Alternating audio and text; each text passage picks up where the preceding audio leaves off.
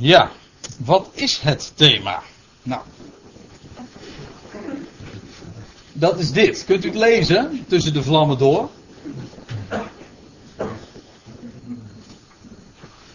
Nee, er loopt nog niemand weg. Nou ja.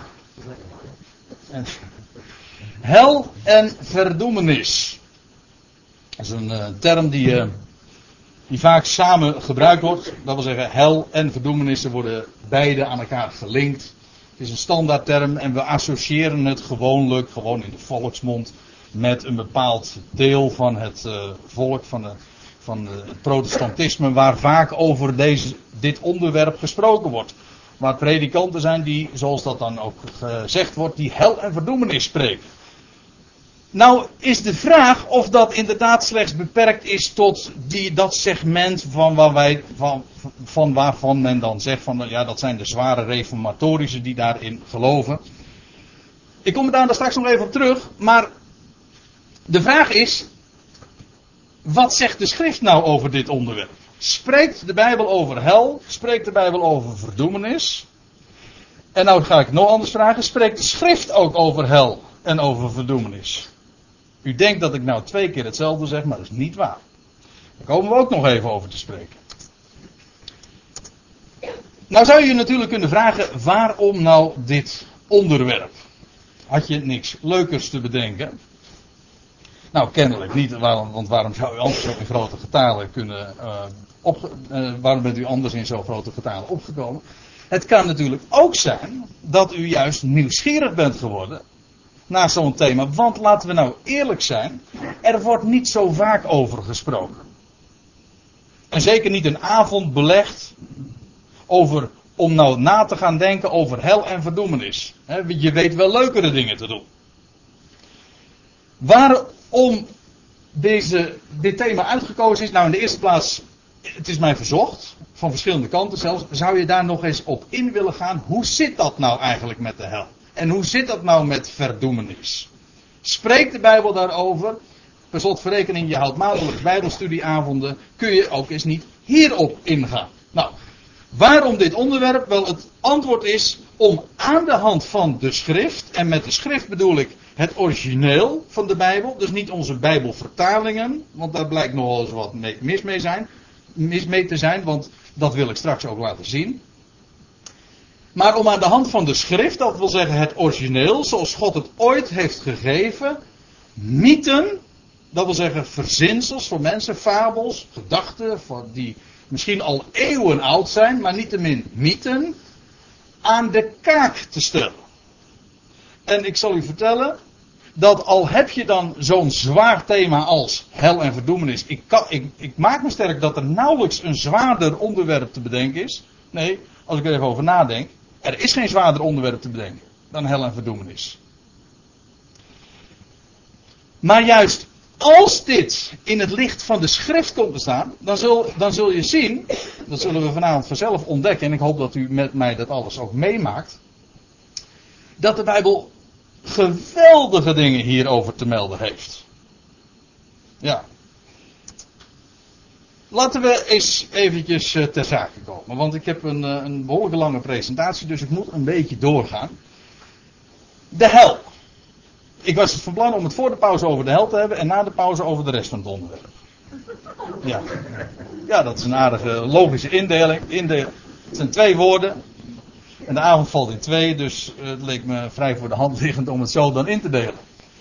Ik zei al, men zegt hel en verdoemenis, oh dat, eh, dat zijn zeker uh, die zware reformatoren. Ja, ik kan nog wel een andere term gebruiken hoor. dat zijn de zwarte kousenkerken waarover hel en verdoemenis gesproken wordt. Daar bedoel ik helemaal niemand mee te kwetsen of zo, maar zo heet dat dan in de volksmond.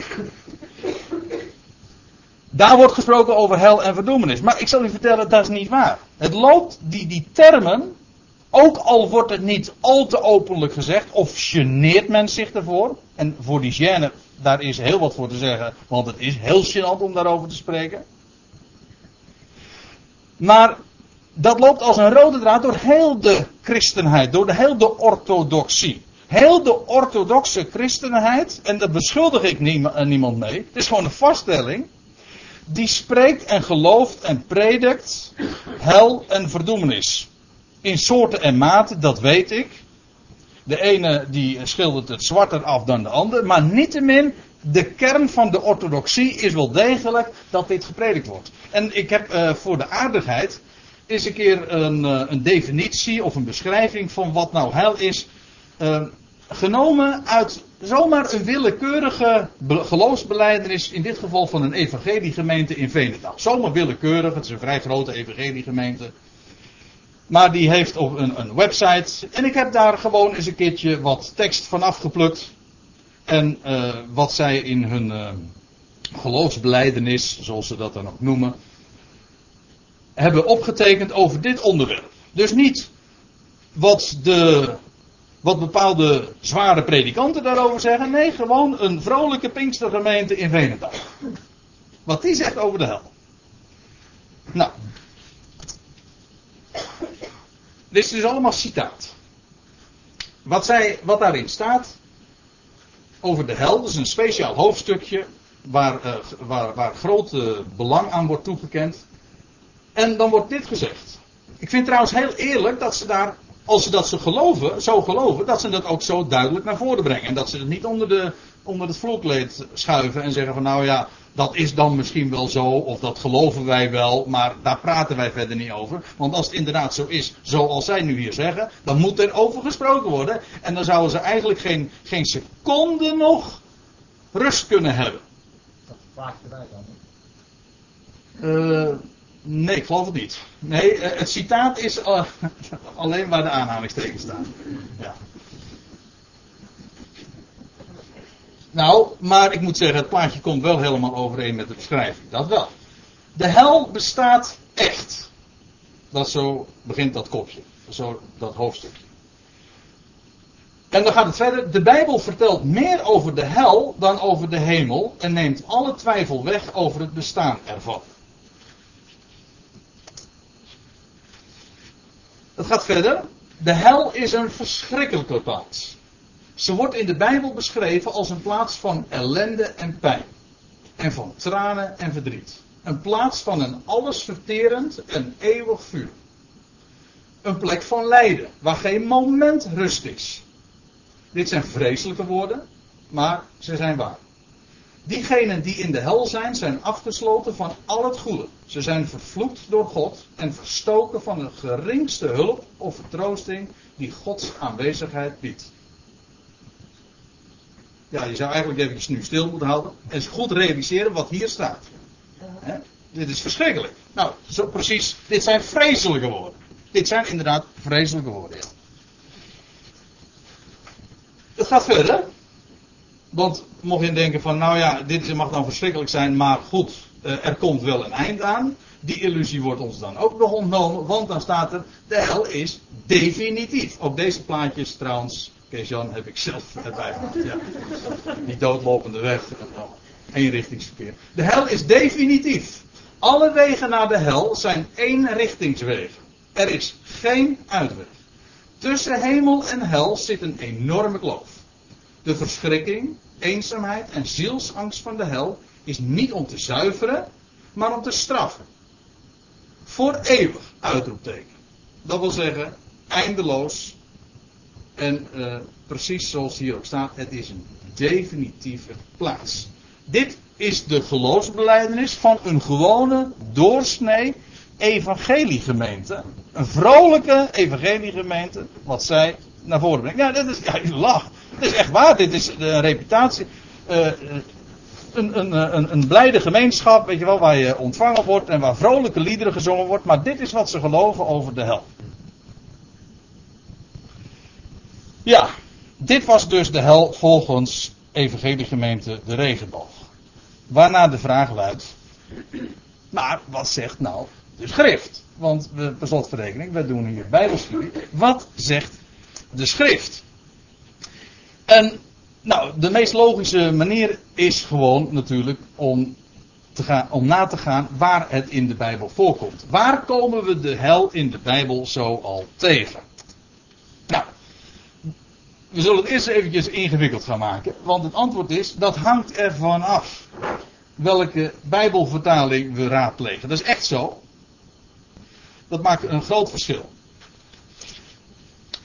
Als u een oude statenvertaling gebruikt, dan komt u het woord hel of aanverwante termen, bijvoorbeeld helle vuur of het helse vuur, komt u dat woord hel 54 keer tegen in Oude en Nieuwe Testament. Als u het in het Oude Testament tegenkomt, dan is hel altijd de vertaling van het Hebreeuwse woord Sheol. Als het zo uitkomt. Ja, dat moet ik er echt bij zeggen. Hier is al de eerste nadigheid. Ah, dag Dick en dag Esther. Ook jullie van harte welkom. We zijn al even begonnen, maar jullie pakken de draad wel weer op, denk ik. Oké.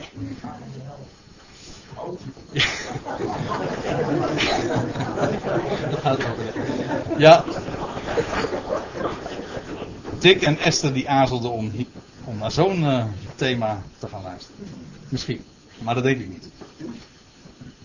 Ik zei al, in het Oude Testament is hel, de, als u tenminste de Statenvertaling gebruikt, de uh, vertaling of de weergave van het Hebreeuwse woord Sheol. Maar ik heb er veel betekenend achter gezet als het zo uitkomt.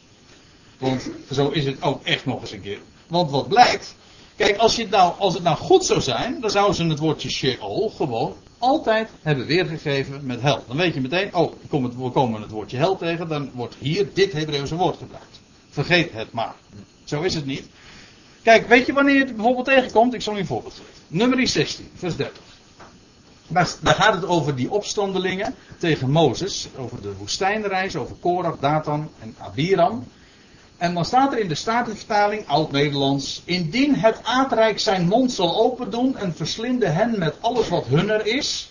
En zij levend ter helle zullen nedervaren. Als dan zult gij bekennen dat deze mannen de Heere getergd hebben.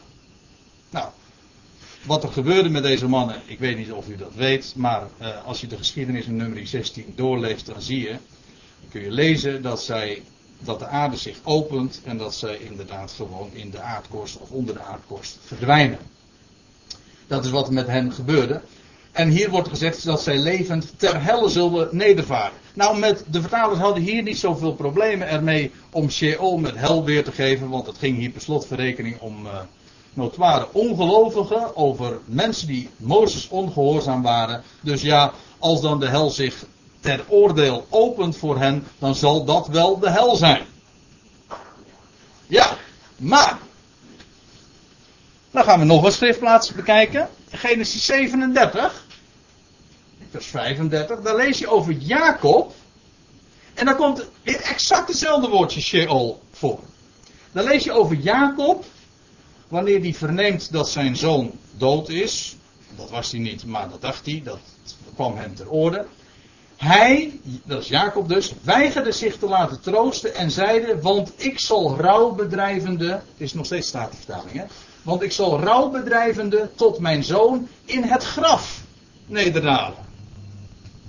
Hier komt exact hetzelfde woord voor als in nummer 16, Sheol, dat Hebreeuwse woord. Maar hier wordt het niet met hel weergegeven, uiteraard zou ik haar zeggen, maar met graf.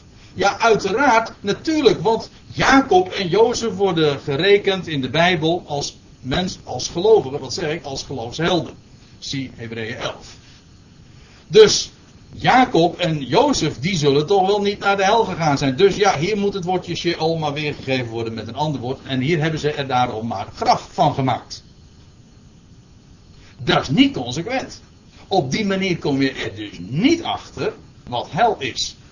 Trouwens, uh, ik heb het nu over de Statenvertaling. Over het algemeen is die beter, in mijn ogen, dan de NBG-vertaling. Maar eerlijk is eerlijk, de NBG-vertaling heeft het hier wel redelijk correct. Die geeft hier gewoon weer, in beide gevallen, dodenrijk. Het woordje Sheol geeft ze weer met dodenrijk. Die mannen, die Korach, Datan en Abiram, die gingen naar het dodenrijk, de onderwereld, of hoe dat ook maar heten mag, het graf. En in ieder geval kan het niet hel zijn. Want als het hel zou, als Sheol hel zou zijn, dan had men hier ook hel moeten weergeven. En hier is het uitdruk, kan dat uitdrukkelijk niet de betekenis zijn. Waarmee dus meteen een heleboel keren zomaar direct komen te vervallen Maar uh, het, het, het, woordje hel blijkt dus helemaal geen correcte weergave te zijn. Kan helemaal niet. Je wordt daarmee dus gewoon op het verkeerde been gezet. Ik zou het ook nog anders kunnen zeggen. Je wordt gewoon bij de, bij de neus genomen. Want het is helemaal niet de hel. Het kan helemaal niet de hel zijn. Want als het in de ene plaats hel is, dan zou het hier ook hel moeten zijn. En aangezien dat niet kan, uh, vervalt dus die eerste uh, keer ook. Dat kan niet de betekenis zijn.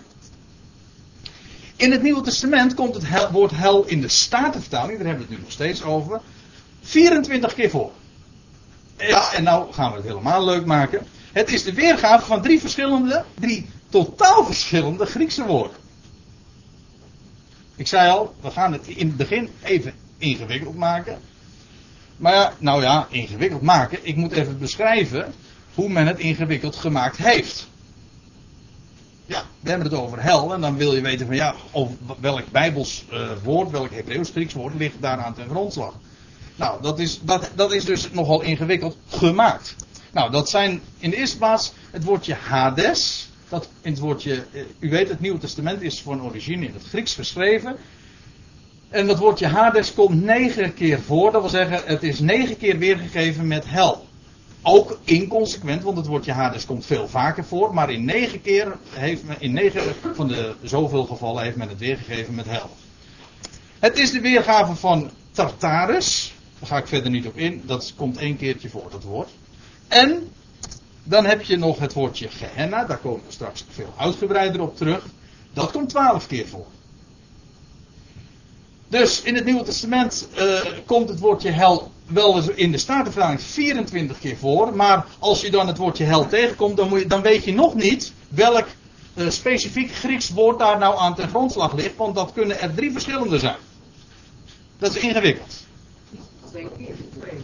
Ja, twee keer. 21, Nee, nee, 21. Ja. Uh, ja. Uh, er zijn twee. Hoe dat precies kan, weet ik niet. Dat zou ik straks even moeten uitzoeken. Het, het kan te maken hebben met het aantal. Uh, dat, ik, dat, dat in dit uh, laatste geval het aantal Bijbelversen geteld is. In plaats van het aantal. Want het kan zijn dat in één Bijbelvers twee keer het woord voorkomt. Ik, wellicht dat dat de reden is, maar hou me ten goede. De precieze aantallen durf ik nu even niet meer te zeggen. Maar bedankt trouwens dat u me zo kritisch volgt.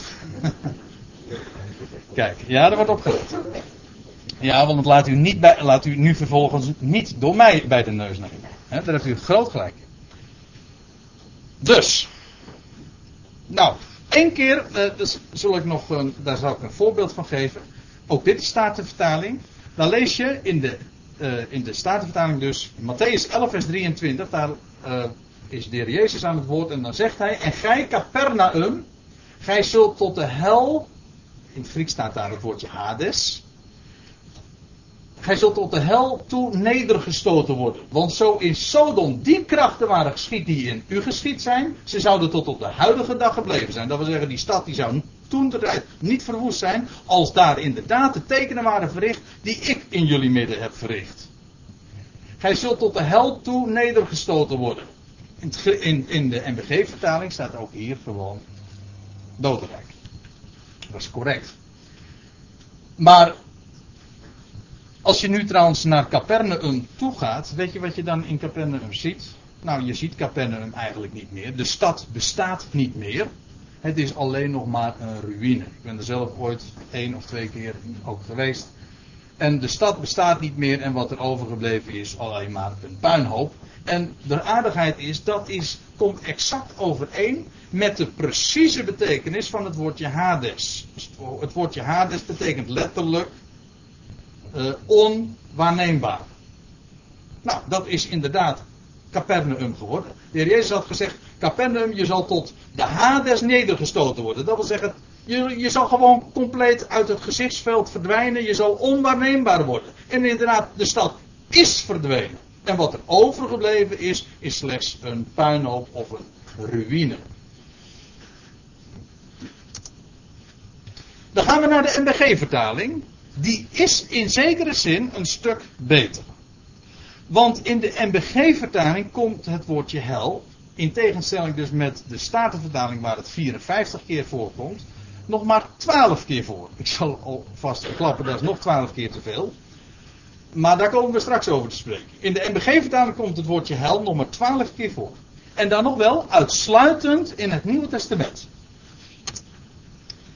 Het is de weergave van het Griekse woord Gehenna. Nou, in wezen is dit heel simpel te vertellen. Gewoon als, als in het Grieks het woordje Gehenna gebruikt wordt, dan heeft de NBG-vertaling dit weergegeven met hel. Consequent, altijd, concordant. Op zich, niks mis mee. Dat is goed. Maar, nou komen we op een uh, fundamentele vraag.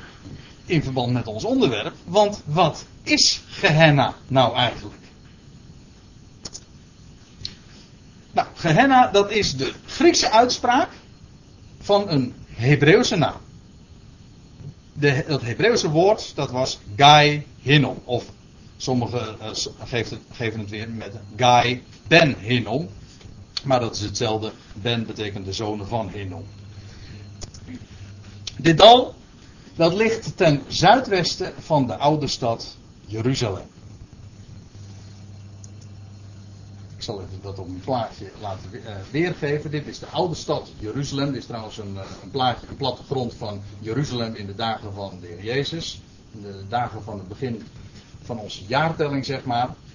En ten zuidoosten van de stad, hier heb je dan de, de Olijfberg,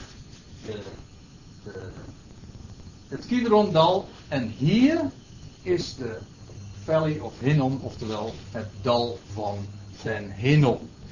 Dat is Gehenna. In elke encyclopedie, in elk woordenboek kun je dat, elk uh, ook uh, boek over de Bijbel, Bijbelse encyclopedie, kun je dit direct nalezen. Als, als je daar kijkt bij hel, dan zo, of bij het woordje Gehenna, zeggen ze, nou dat is gewoon de Griekse weergave. Dit is volstrekt onomstreden, er is niemand die dat ooit anders heeft gezegd. Dat is gewoon het dal van Ben Hinnom. Anders is het niet. We komen dat in het Oude Testament vaak tegen, dat dal. Gehenna, dat is een Grieks woord, dat komt maar twaalf keer voor. Maar het dal van Ben Hinnom, dat komt heel vaak uh, in het uh, Oude Testament voor. En uh, dat is vooral erg berucht geworden. Jeremia schrijft daarover, maar we lezen er ook in andere plaatsen over. Dan lees je in Jeremia 7. Zij hebben de hoogte van Tofet gebouwd de hoogte, dat wil zeggen, waren, dat waren offerplaatsen aan, offerplaatsen aan afgoden. Het gaat hier over de afval in, in Israël, over het feit dat ze zich eh, schuldig hebben gemaakt aan afschuwelijke afgoderij. Dat blijkt ook wel, want er staat hier, ze hebben de hoogte van Tovet, Tovet gebouwd, die zich in het dal van Ben Hinnom bevinden, om hun zonen en dochters met vuur te verbranden. Hetgeen ik, al dus God zelf, niet geboden heb en wat in mijn hart niet is opgekomen. Daarom zie, de dagen komen, luidt het woord des Heren, dat niet meer gezegd zal worden Tovet en Ben Hinnom, maar Moordal. Dat wil zeggen dat men tot inzicht zal komen van dat dal, dat is eigenlijk gewoon een moorddal. Waar wij zelf, waar wij als volk ons schuldig hebben gemaakt aan moord. Waar wij onze kinderen, onze zonen en dochters hebben opgeofferd aan vreemde goden. En God zegt dat is in mijn hart never nooit opgekomen. Dus dat uh, dal van Ben Hinnom, dat was een afschuwelijke plaats. Later werd het trouwens ook een, een afvalplaats. Dat wil zeggen, het werd de vuilstortplaats van de stad Jeruzalem. Dit is een uh, satellietfoto van Israël. In Israël bevinden zich talloze plaatsen. En die worden in het Nieuwe Testament ook benoemd. Je hebt daar in het, als je in het Nieuwe Testament in het Grieks leest, dan kom je Jeruzalem nou, eh, Jeruzalem. Ik ben niet goed in, eh, in, Grieks en zeker niet in mijn Griekse uitspraak. Maar dan vind je in die linker kolom, uh, dat is dan de Griekse weergave van Jeruzalem. Jeruzalem. En dat is dan Jeruzalem. Je komt in het, in het Nieuwe Testament ook Bethlehem, Bethlehem tegen. En dat is heel makkelijk te herkennen. Dat is Bethlehem. Dat is niet vertaald. Dat is gewoon overgezet in onze taal. Alleen de uitspraak is een klein beetje anders geworden. Zo gaat dat meestal met, met namen, ook met plaatsnamen, persoonsnamen. Zodra je dat in een andere taal overzet, dan is het nog duidelijk herkenbaar. Maar soms is er een klinker en wat veranderd of een medeklinker. Maar de naam wordt zelf onvertaald gelaten. Nazareth, dat is gewoon Nazareth. En Jordanes, nou, wat zou dat nou zijn? Dat is gewoon de Jordaan. En Galilea, dat is Galilea. En Judea, wat zou dat nou zijn? Dat is Judea. En zo kan ik nog wel even doorgaan. En dan kom je Gehenna tegen en dat geven ze weer met hel. Ziet u de logica? Inmiddels hadden we al gezien van nou, zoals de Statenvertaling met het woordje hel is omgesproken, dat deugt niet. De MBG is correct. Dat wil zeggen, die heeft één specifiek Grieks woord altijd weergegeven met hel en dat komt gewoon twaalf keer voor. Dat hebben ze consequent gedaan. Maar ik moet erbij zeggen, ook dat is volkomen ingegeven door traditie en denkbeelden van mensen. En dat is gewoon heel aantoonbaar, want Gehenna is namelijk gewoon een plaatsnaam. Net zoals al die namen die u hier ziet van Jeruzalem, Bethlehem, Nazareth, Jordaan, Galilea, Judea en noem maar op. Dat zijn allemaal plaatsnamen. Plaatsnamen vertaal je niet. Die laat je gewoon intact. Als je Gehenna leest, dan zou je direct moeten denken: oh, dat is dat dal dat daar ten zuidoosten van de stad Jeruzalem ligt. Dat is namelijk het dal. Dat is wat Gehenna gewoon betekent. Dat is, het is een plaatsaanduiding, een geografische plaats, die je gewoon aan kunt wijzen, waar je gewoon naartoe kunt lopen. Ja. Heb je hem? Ja, goed, daar kun je naartoe lopen. Ja, Petra die zegt van ik sta er zelfs op de foto. Ik, ja, dat is echt waar. Ja, dat geloof ik niet, maar ik heb ooit Petra vereeuwigd in de hel. Ja. Maar dat is heel, dat is, zoals men daarmee omgesprongen. Gehenna is een plaatsnaam. Ik hoop dat het tot u doordringt hoe, hoe absurd dit eigenlijk is. Als je daarover nadenkt. Dat men een plaatsnaam zomaar met een heel ander woord heeft weergegeven. Wat een, woord, ja, waar, waar denkt een mens aan bij. Als u het woordje hel leest, of als een willekeurig iemand over hel leest, denkt hij dan aan het, aan het dal ten zuidoosten van Jeruzalem? Nee. Dan denk je aan een verschrikkelijke plaats. Nou, precies waar uh, evangeliegemeente de regenboog in Venendaal ook aan denkt. En waar ze in, in een Rooms-Katholieke kerk in Rio de Janeiro. Of in een, uh, een gereformeerde gemeente in Staphorst. Of in, nou, noem maar op. Over, en trouwens niet alleen maar in de kerkelijke wereld. Als je het over de hel hebt, dan heb je het over een afschuwelijke plaats. En het hiernamaals, ergens in de onderwereld. Een plaats van vlammen. Een plaats waar de demonen heersen. En uh, een plaats waar uh, nooit meer een einde aankomt. Of zoiets. Een plaats waar Gods oordeel is. Maar wat Gehenna gewoon is, is gewoon een feit. En iedereen kan er zo ook achter komen. Maar het wordt op een of andere manier wordt het gewoon verborgen. Grappig trouwens als ik het woord zo gebruik, want het woordje hel. Uh, als je het, ons woordje hel komt eigenlijk, ja, dat is een, uit het oud-Nederlands. En als je de, de, het woord gaat traceren helemaal naar zijn, eigenlijke, uh, naar zijn eigenlijk beginpunt, dan betekent het woordje hel eigenlijk verbergen. Ja. Het, het, heeft dezelfde stam als ons woordje, als het werkwoord helen. Dat is eigenlijk ook namelijk gewoon iets verbergen. Helen, uh, of in ieder geval waar, waarbij je het verborgen wil houden. Hè? Hel betekent eigenlijk ook verborgen, uh, verborgenheid, maar het heeft in elk geval in de traditie, in het denken van de mens, een, een bepaalde klank gekregen. Terwijl het in de Bijbel gewoon een plaatsaanduiding is. En wat ik er hier met dit alles probeer te zeggen is dit. Namen behoren niet vertaald te worden. En dat is een onomstreden principe in, voor elk vertaler. Die, verta, eh, een, een, vertaler, als die daarmee met zijn werk bezig is, vertaalt plaatsnamen niet. Die laat ze gewoon intact en zet ze hooguit over uh, in, een, in, in, op een, in een klankwijze die ook in de ontvangende taal begrepen wordt. Maar de naam zelf wordt gewoon onvertaald gelaten. En er is één uitzondering op, en dat is Gehenna. Daarvan heeft men hel gemaakt. Op een of andere manier had men er kennelijk belang bij om de hel niet uit de Bijbel te schrappen. Ja, nou ja, dit dan, doe ik dan ook nog even voor de aardigheid. Enkele recente foto's van de hel. Ja, sommige mensen die denken, eventjes tussen, even tussen beiden, maar die denken dat uh, als, als u op deze Bijbelstudies komt. Uh, ja, daar wordt over, uh, over Gods liefde gesproken en niet over, over daar wordt niet over de hel gesproken en over verdoemenis en over, ja, dat is een kwalijke reputatie die ik dan zou hebben in een, nou, bij bepaalde mensen.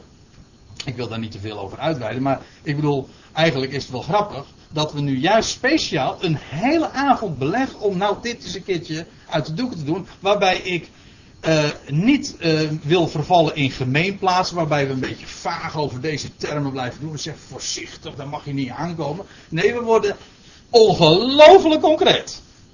Zo concreet dat we zelfs vals van de hel laten zien. Ja. En dit is gewoon, dit is gewoon het dal van Ben Hinnom. Je kunt er gewoon zo naartoe gaan.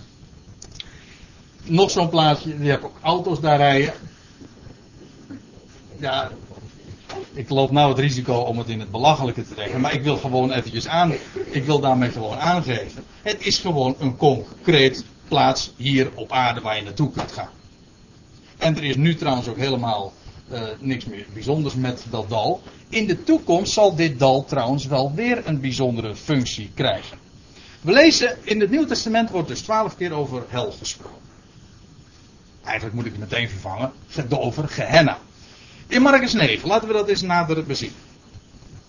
Daar staat, indien uw ogen u tot zonde zouden verleiden. Dat is, is een van de redenvoeringen die de Heer Jezus houdt tot het volk Israël, want hij richt zich tot Israël, tot Joodse mensen. Indien uw oog u tot zonde zou verleiden, ruk het alsjeblieft uit. Het is beter dat gij met, een, met één oog het koninkrijk Gods binnengaat, dan dat gij met twee ogen in de hel, pardon, Gehenna, geworpen wordt. Waar hun worm niet sterft en het vuur niet wordt uitgeblust. Kent u die uitdrukking? Ja, direct gelinkt aan hel. Gehenna. Maar de Joodse toehoorders van de Heer Jezus, die hoorden de Heer Jezus helemaal niet praten over de hel. Nee, de Heer Jezus sprak deze woorden uit in het land Israël en hij sprak over een bekende plaats waar ze zo naartoe konden lopen, namelijk over het dal van Ben Hinnom, over Gehenna, in het Grieks uitgedrukt Gai Hinnom. Over dat, dat al heeft hij het. En hij zegt, daar kun je beter niet terechtkomen, want het is die plaats waar hun worm niet sterft en het vuur niet wordt uitgeblust. Wat bedoelt, wat bedoelt Jezus daar nou als, eigenlijk mee te zeggen? Kijk, wat Jezus hier doet, en dit wordt vaker in de evangelie naar voren gebracht. Wat Jezus hier doet, is refereren aan een schriftplaats in het Oude Testament. Om precies te zijn, aan de laatste twee versen van het boek Jezaja. In Jezaja wordt gesproken over, uh, wordt die frase gebruikt, waar hun worm niet sterft en het vuur niet wordt uitgeblust. Ik zal het laten zien. In Jezaja 66. In Jezaja 66 wordt een uitgebreide beschrijving gegeven van het toekomstige Messiaanse koninkrijk. Als straks Israël hersteld zal worden, als de Messias teruggekomen zal zijn, als hij zijn koninkrijk zal, hier op aarde zal opbouwen. En de stad Jeruzalem de stad zal zijn voor alle volken. Jezaja 2 schrijft daarover, Jezaja 11. de, des Heere woord zal uit Sion uitgaan en, des, en zijn stem vanuit Jeruzalem. En de Heere zal vanuit Jeruzalem uh, zijn troon vestigen. Vanaf zijn troon vestigt hij zijn heerschappij. Ja, precies. En dan zal hij zijn heerschappij gaan uitbreiden wereldwijd. Nou, dan lees je dat Israël en ook inclusief de gebruiken van Israël weer in ere hersteld zullen worden. Zelfs wereldwijd. En dan staat er, en het zal geschieden van nieuwe maand tot nieuwe maand. Dat wil zeggen van maand tot maand. Elke begin van de maand wordt gevierd. Van nieuwe maand tot nieuwe maand. En van sabbat tot sabbat dat al wat leeft zal komen om zich voor mijn aangezicht neer te buigen, zegt de Heer. Stond ook al eerder in Jezaja, want daar staat dat alle volkeren zullen jaarlijks ook optrekken, maar bij gelegenheid zelfs wekelijks. Kennelijk delegaties uit de volkeren. Alle volkeren zullen jaarlijks, of in ieder geval regelmatig, uh, uh, optrekken naar de stad Jeruzalem. Om zich voor de Heer neer te buigen. Want wat u ook moet weten, er zal weer een tempel herrijzen in Jeruzalem.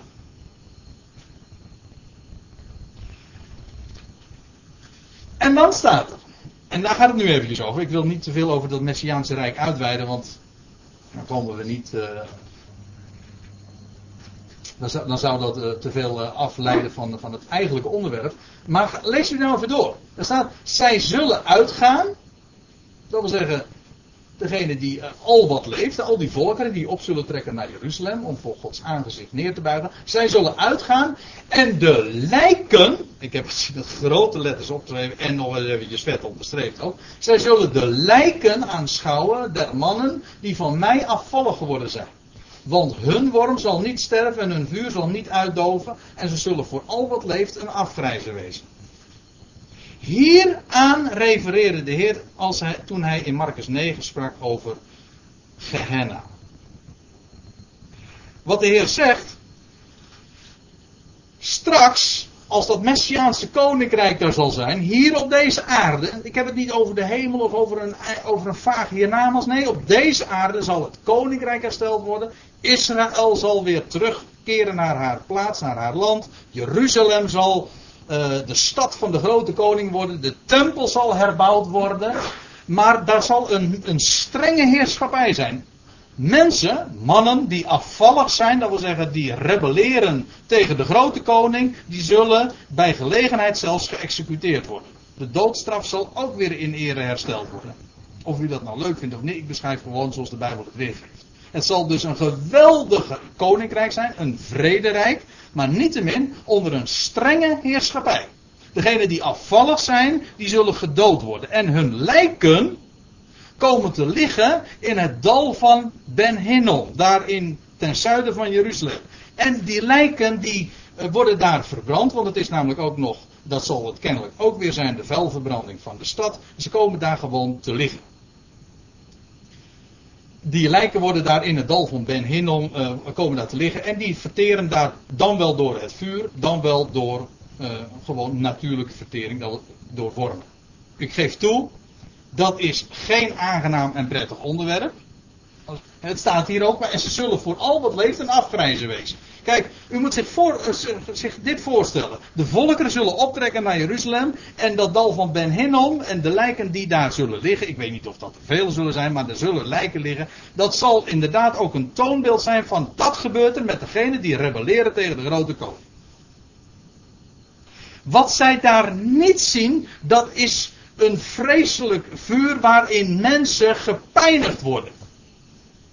Waar mensen gepijnigd worden en waar het vuur niet uitgedoofd wordt en waar, uh, waar hun worm niet zal sterven. Meestal, weet u hoe het meestal wordt opgevat?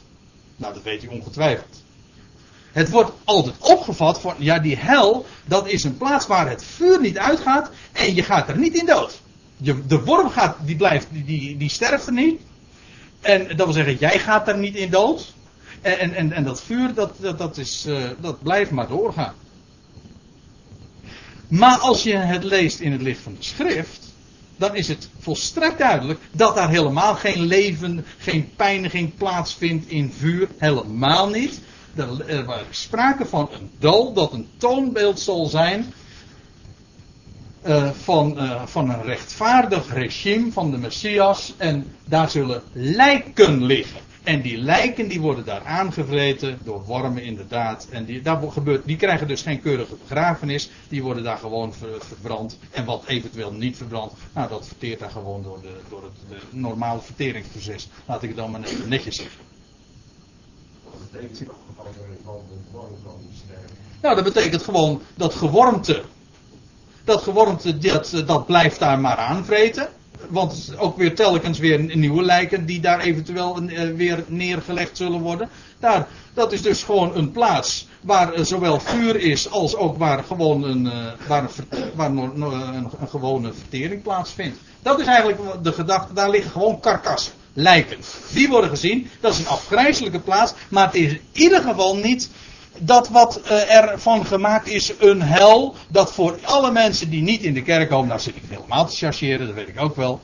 Uh, maar voor alle goddelozen, uh, waar mensen voor eindeloos in gepijnigd worden. Heeft er niets mee te maken, dat is een karikatuur, een vols, dat is echt een demonische karikatuur, want de schrift kent dat helemaal niet. Nou, in ieder geval, um, het eh, dal van Hinnom, daar liggen lijken en die worden daar, en die worden daar verbrand of verteerd. Gedurende dat koninkrijk, gedurende dat koninkrijk zal dat vuur, uh, zal dat dal die functie vervullen.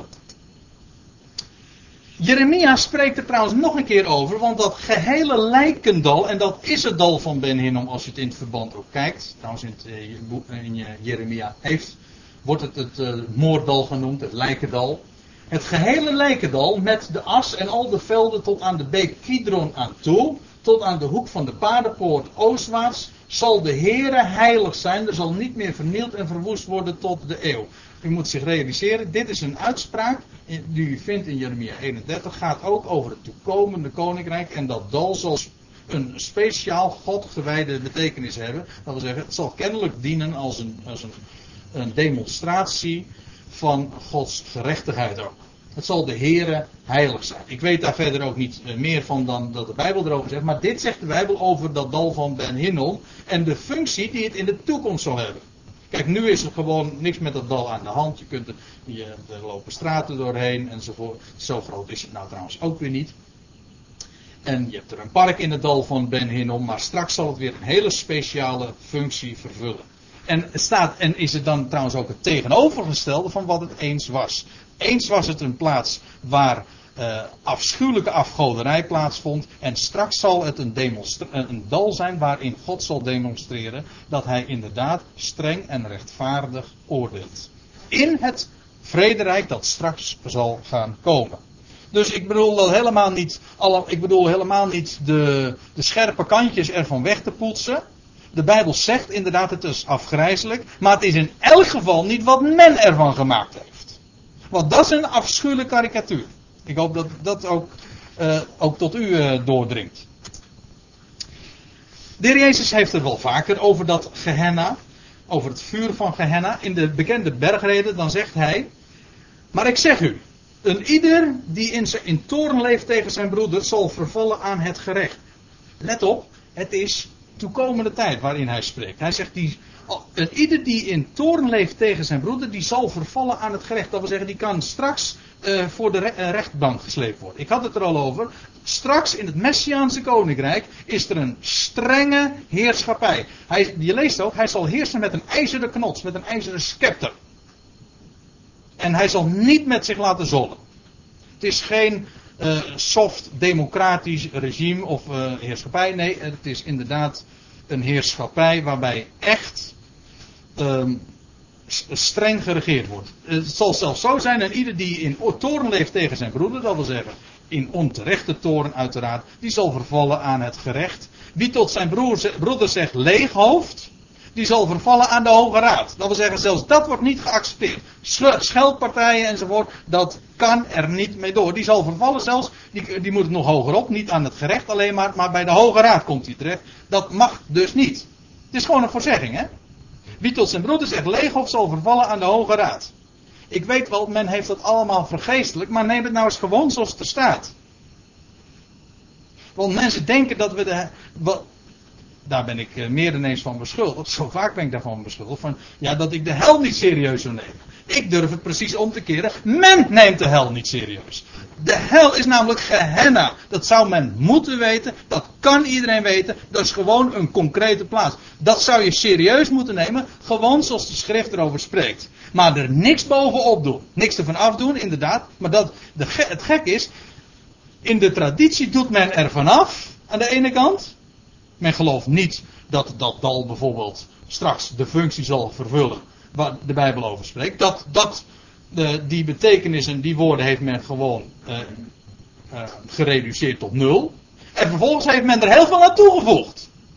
Eigen verzinsels, karikaturen, demonische verzinsels zelfs. Want niemand komt toch op het idee om van Gehenna, waar heiken, he, lijken in liggen, om daar een plaats van te maken, een, een plaats, een hiernamaals, waarin levende mensen tot in der eeuwigheid gepijnigd worden. Wie zou op zo'n idee komen? Nou, God zegt al, in mijn gedachten is dat nooit opgekomen hoor. Zoiets. Nee, in wiens gedachten dan wel? Nou, zelfs in menselijke gedachten niet. Zelfs Auschwitz uh, verbleekt er nog bij. Want Auschwitz, hoe verschrikkelijk ook, dat was tijdelijk. Maar wat men van de hel heeft gemaakt, dat is een eindeloos Auschwitz. Maar dan nog even erger. Nou, dat is toch onbegrijpelijk. En God heeft daar verder ook niks mee op het oog, zegt men. Het is niet een plaats om te zuiveren, nee, het is gewoon wraak. Eenrichtingsverkeer, definitief. Afschuwelijk. Maar wat het echt is, wat er, uh, wie, en wie zal zeggen, dwaas, die zal vervallen aan het vuur van Gehenna. Dat kan dus zelfs zo zijn, straks in de toekomst, wie uh, onbehoorlijke dingen tegen zijn broeder zegt, die uiteindelijk zal, zal inderdaad aangemerkt worden als een afvallige van de Heer, als een, als een rebel, en dan uiteindelijk wacht hem de executie, en hij zal komen te liggen in het dal van Hinnom. Precies waar Jezaja ook over spreekt. Ik, ik probeer het helemaal niet leuk te maken. Ik wil gewoon het weergeven zoals de schrift erover spreekt. Nou, samenvattend, Gehenna komt dus voor. Elf keer in de Evangelie. Nou, één ding moet duidelijk zijn. We hebben het op deze Bijbelstudies daar vaker over gehad. En ik heb daar altijd grote nadruk op gelegd. in de Evangelie spreekt de Heer Jezus tot Israël. Hij zegt: Ik ben, uitsla ik ben slechts gezonden tot de verloren schapen van het huis Israëls. Hij spreekt dus niet tot de heidenen. Nee, hij spreekt niet tot ons direct. We kunnen er veel van leren, maar hij spreekt niet tot ons, hij spreekt tot Israël. En Israël wist wat Gehenna was. En weet u wat men ervan gemaakt heeft? Men heeft gezegd in de, in de Evangelie spreekt de Heer Jezus tot ons. En wij heidenen, wij weten niet wat Gehenna is, kennelijk. Ja, we weten het wel, maar we hebben het verdraaid. En we hebben daar een hel van gemaakt.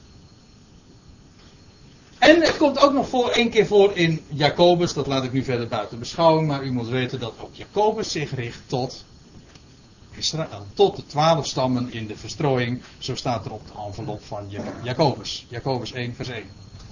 En wat ook dan, uh, maar goed, uh, als het twaalf keer voorkomt en het komt elf keer voor in de Evangelie en één keer in Jacobus, dan zal het u natuurlijk niet verbazen dat Paulus, de apostel der heidenvolkeren, nooit spreekt over de hel. Pardon, over Gehenna. Nergens. Dus, dat, is, uh, dat, zijn, dat zijn de feiten. Nou, we moeten nog eventjes uh, doorgaan. Uh, want er zijn nog wel, we hebben het nu dus gehad over Gehenna, over het dal van Hinnom. In wezen, je kunt het heel kort zeggen, maar ik vind dat het toch wat uitgebreidere toelichting behoeft. De, er zijn nog meer ja, ik heb dat maar even uh, koninkrijksoordelen genoemd waar de Bijbel over spreekt. In de Evangelie is daar sprake van. Want je zou kunnen zeggen van ja, maar goed, uh, je hebt het nu dan over hel en over henna, maar de Bijbel wordt, spreekt de Heer Jezus dan ook niet over, daar zal het geween zijn en het tandengeknas. En hij heeft het toch ook over de buitenste duisternis. En heb je dan nog nooit gelezen over die scheiding van die schapen en de bokken?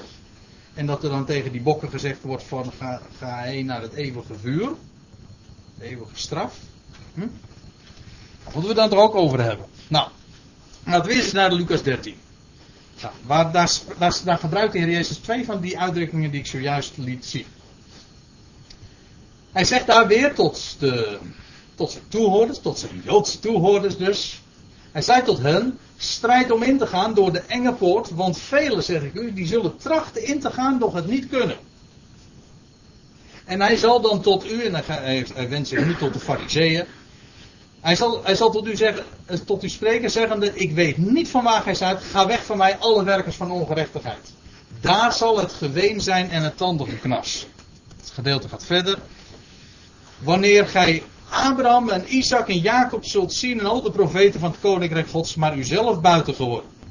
En ze zullen komen van oost en west en van noord en zuid. En ze zullen aanliggen in het koninkrijk gods. En zie, er zijn laatsten die de eerste zullen zijn en er zijn eerste die de laatste zullen zijn. Kijk. Men heeft ook woorden als deze uit zijn verband gelicht. En men heeft het zomaar toegepast op het hiernamaals. Terwijl de Heer Jezus zich richt tot het, volk van Israël. En hij spreekt over het toekomende koninkrijk. Over het koninkrijk Gods dat straks zal aanbreken. En dan staat er van. Zorg nou, want de Heer Jezus in de Evangelie was dat koninkrijk nabij. Hè? Dat koninkrijk was nabij. Ik predikte dat. Bekeert u, want het koninkrijk is nabij gekomen.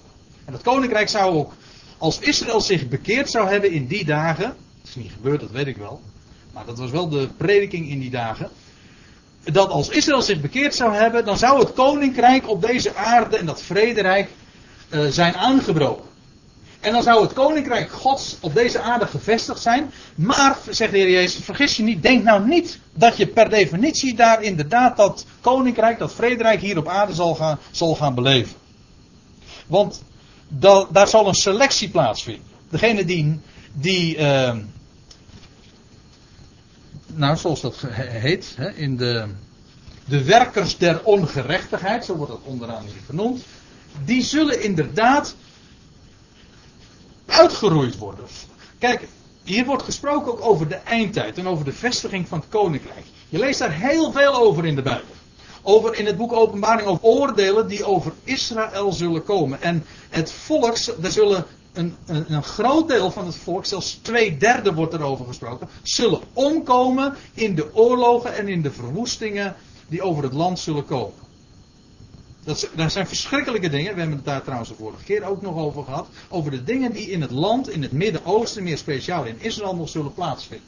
En velen zullen erin omkomen. Er zal, er zal een, een gedeel zijn dat zal vluchten naar de woestijn. En die zullen met recht ook ingaan door de enge poort. Ik wil daar graag nog eens een keertje op terugkomen, want dat die enge poort is zelfs heel letterlijk een enge poort. Ja. Misschien dat we het de volgende keer over de stad Petra eens een keertje gaan hebben lijkt me, ik had nog geen onderwerp vastgesteld, maar niet over mijn vrouw Petra, maar over de stad Petra in de woestijn. Nou, hoe dan ook, ik, ja, ik, ik zou in de verleiding komen om daar meer over te zeggen, doe ik nu dus niet. Maar in elk geval, heel concreet, dan zal een deel vluchten naar de woestijn. Degene die inderdaad geloven in het woord van God, die zullen vluchten en de rest zal omkomen in het land. En, uh, en daar zal, in, in het land, uh, degene die dus niet het koninkrijk zullen uh, ingaan, die zullen omkomen in de verwoestingen. En, en, in dat verband wordt er gezegd, daar zal ook het geween zijn en het tandige knas. En zegt de Heer dan ook nog erbij van, er zullen er komen van oost en west en van noord en zuid. En ze zullen allemaal het koninkrijk beleven, ingaan. En jullie, Joden, jullie zijn dan wel Joden, maar dat wil nog niet per definitie zeggen dat jullie dat koninkrijk ook zullen beleven, want degenen die niet geloven, die zullen omkomen en dat koninkrijk niet ingaan. Dat wil zeggen het koninkrijk van de toekomende eeuw. En zegt hij dan ook, uh, vergeet niet, vele laatste, die zullen de eerste worden. Dat wil zeggen degenen die nooit, die dachten helemaal geen aanspraak op dat koninkrijk te kunnen maken, die zullen het ingaan. En jullie, nou, hij richt zich daarbij tot de orthodoxie, jullie denken van, nou jullie staan voorop hè. Vergeet het maar, jullie zullen buitengeworpen worden dat is enorm confronterend geweest voor die fariseeën en die schriftgeleerden en de orthodoxie die de Heer hier aansprak. Dat kunt u zich wel voorstellen. Als hij zegt van hoeren en tollenaars en heidenen enzovoort, die zullen ingaan. En jullie, orthodoxe mensen, jullie zullen dat koninkrijk mooi missen. Dat is. Nou, dan heb je ook nog dat uh, waar ik zojuist al eventjes uh, naar verwees. Ik moet uh, een beetje doorgaan. Maar de scheiding van de schapen en bokken. Ook dat is zo'n koninkrijksoordeel. Dat wil zeggen, dat is, als je, kijk het maar na in Matthäus 25, daar wordt gesproken over de zoon des mensen die straks zal terugkeren en zal, zal, zich zal zetten op de troon in Jeruzalem en dan, zal er, en dan zullen de volkeren ook geselecteerd worden. En dan zullen de volkeren, de natieën, zullen beoordeeld worden en dan wordt er niet gevraagd of ze geloven of dat ze naar de kerk zijn gegaan. Nee, weet u wat er gevraagd wordt? wat ze gedaan hebben aan de minste van zijn broeders. Aan zijn Joodse broeders. Je moet het hele gedeelte maar eens lezen. Maar ook dan worden we verplaatst in die, in die tijd dat, ja, die toekomende eeuw, dat koninkrijk van God hier op aarde zal aanbreken. Nou ja, in Matthäus 25, ik, ik uh, zal een gedeelte daarvan voorlezen. Dan zal hij hun antwoorden, het gaat hier over die bokken. Ik ga maar eventjes er gemakshalve van uit dat hij het een klein beetje kent. Anders zou het kunnen zijn dat u hem nu een beetje de draad kwijtraakt. Maar uh, voor het gemak. Uh, dan zal hij hun antwoorden en zeggen: Voorwaar, ik zeg u, in zoverre gij dit aan de een van de mensen niet gedaan hebt, hebt gij het ook aan mij niet gedaan. En deze zullen heen gaan naar de eeuwige straf, maar de rechtvaardigen naar het eeuwige leven. Zie je wel? Toch eeuwige straf, zeggen ze dan. Ja, maar weet u waar het nu over gaat? Want waar moeten we dat nou plaatsen, dat eeuwige leven? Ja, ik heb Ionisch erbij gezet, dat is echt gewoon het, het Griekse woord. Maar eeuwig betekent niet wat het in de, in de Bijbel betekent eeuwig niet wat het bij ons betekent. Eeuwig betekent gewoon betrekking hebbend op de eeuw. In wezen is het helemaal niet zo moeilijk uit te leggen, want ons, dat is bij, met bijvoeglijke naamwoorden voor ons altijd zo. Hè. Jarig heeft te maken met jaar en eeuwig heeft te maken met eeuw. Als het goed zegt, dan is er helemaal niks aan de hand.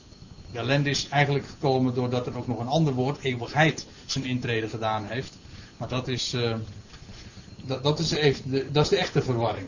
Nou, hoe dan ook, even de vraag, waar moeten we die toekomende eeuw dan plaatsen? Dat eeuwige leven, dat eeuwige, de eeuwige straf. Nou, de Jezus geeft er antwoord op. Hij zegt in Lucas 18, hij zei tot hen, dan gaat hij het over degene die hem volgen. Voorwaar ik zeg u, er is niemand die huis of vrouw of broeders of ouders of kinderen heeft prijsgegeven op het koninkrijk gods, of hij zal vele malen meer ontvangen in deze tijd en in de toekomende eeuw het eeuwige leven. Het eeuwige leven is niets anders dan het leven van die toekomende eeuw. Het leven dat bij die eeuw hoort. Vergeet het woordje eeuwigheid, want dat kent erbij. Als hier gesproken wordt over de toekomende eeuw, dan staat er aion. Weet u hoe men het, dat woord, dat is echt, dat is zo misleidend, want het woordje eeuw heeft men op twee manieren weergegeven. Hier met eeuw, maar in andere plaatsen met eeuwigheid. Dat is misleiding. Want er is een groot verschil tussen een eeuw en een eeuwigheid. Een eeuw komt een eind en een eeuwigheid niet. Maar het is exact hetzelfde woord en de betekenis is gewoon eeuw. Nou ja, daar moeten we bij een andere gelegenheid nog maar eens een keertje op ingaan. We hebben het trouwens vaak genoeg gedaan hoor. Maar ja, als je een nieuw gezicht ziet, dan moet je toch weer eens.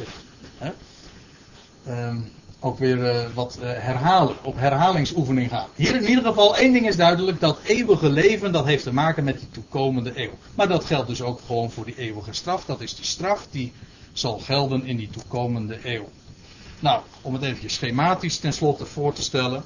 De Bijbel spreekt over de tegenwoordige eeuw. Dat is trouwens geen honderd jaar hoor, dat, zijn, is een heel tijdperk. Dat begonnen is in de dagen van Noach, na de zondvloed, tot aan de komst van de zondersmensen straks in de nabije toekomst. Dan wordt de tegenwoordige eeuw afgesloten en dan vangt de toekomende eeuw aan. Denkt u dan van dat dat het einde is? Nou, dat kunt u wel vergeten, want de Bijbel spreekt ook over de toekomende eeuwen. God heeft toch zoveel op zijn programma staan. En wat daarna volgt, dat is de eeuw der eeuwen. Nog anders gezegd, die toekomende eeuw, dat heet ook wel het millennium. Millennium betekent duizend jaren. Dus dat toekomende koninkrijk, waar ik het al eerder over had, waarin Israël de, de, de natie zal zijn, waarin vanuit de heerschappij, de wereldheerschappij zal plaatsvinden, dat zal plaatsvinden in de duizend jaren.